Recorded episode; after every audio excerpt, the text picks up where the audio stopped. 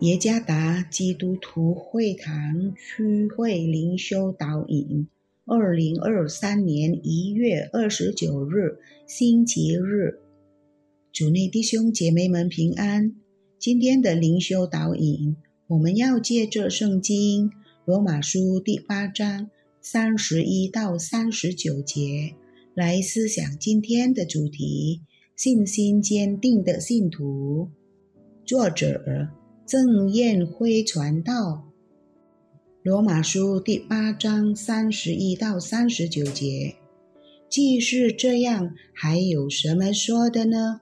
神若帮助我们，谁能抵挡我们呢？神既不爱惜自己的儿子，为我们众人舍了，岂不也把万物和他一同白白的赐给我们吗？谁能控告神所拣选的人呢？有神称他们为义了，或者是称他们为义的神吗？谁能定他们的罪呢？有基督耶稣已经死了，而且从死里复活，现今在神的右边，也替我们祈求。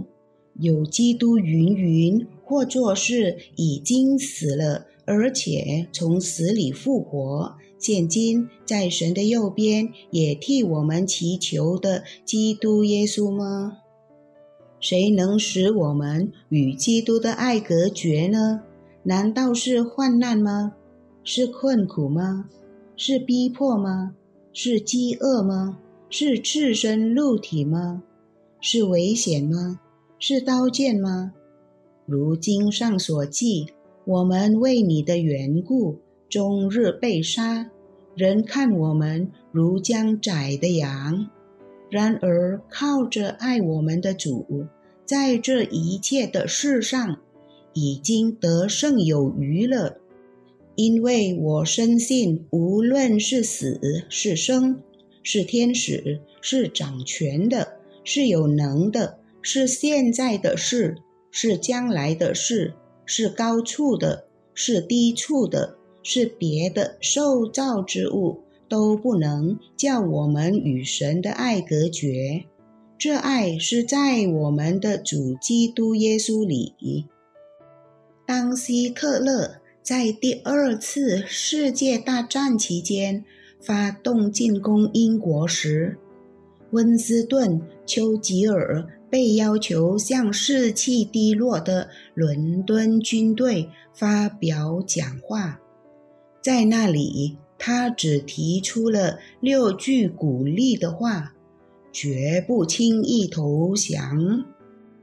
保罗在往耶路撒冷的路上，他写信给罗马的教会，坚固他们的心。他们既然是基督里蒙恩得救的人。那么，应当如何来面对面前的困境？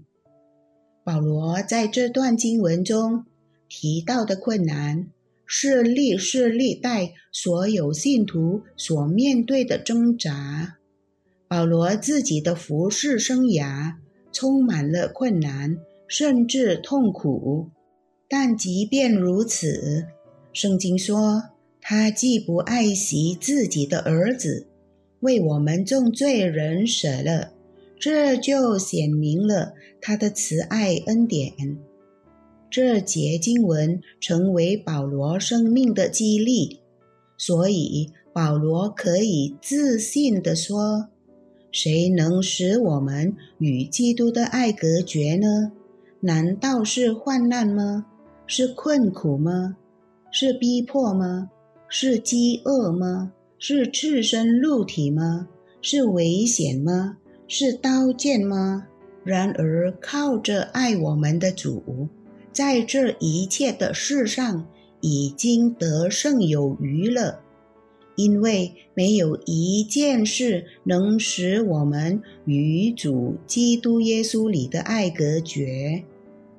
弟兄姐妹。这时刻，你或许正在经历某些困难和压力。让我们记得并相信上帝在我们生命中对我们的大爱。他赐下独生子耶稣基督来到世上受死，但他却从死里复活，战胜了死亡的权势。所以，我们不要放弃。我们目前正在经历的困难和压力，乃是为我们打开机会，让我们能更深刻的体验上帝的爱和他的安慰。请记住，在基督里，我们已经得胜有余，是得胜者。在得胜的基督里。选民才能坚定不移。主耶稣赐福。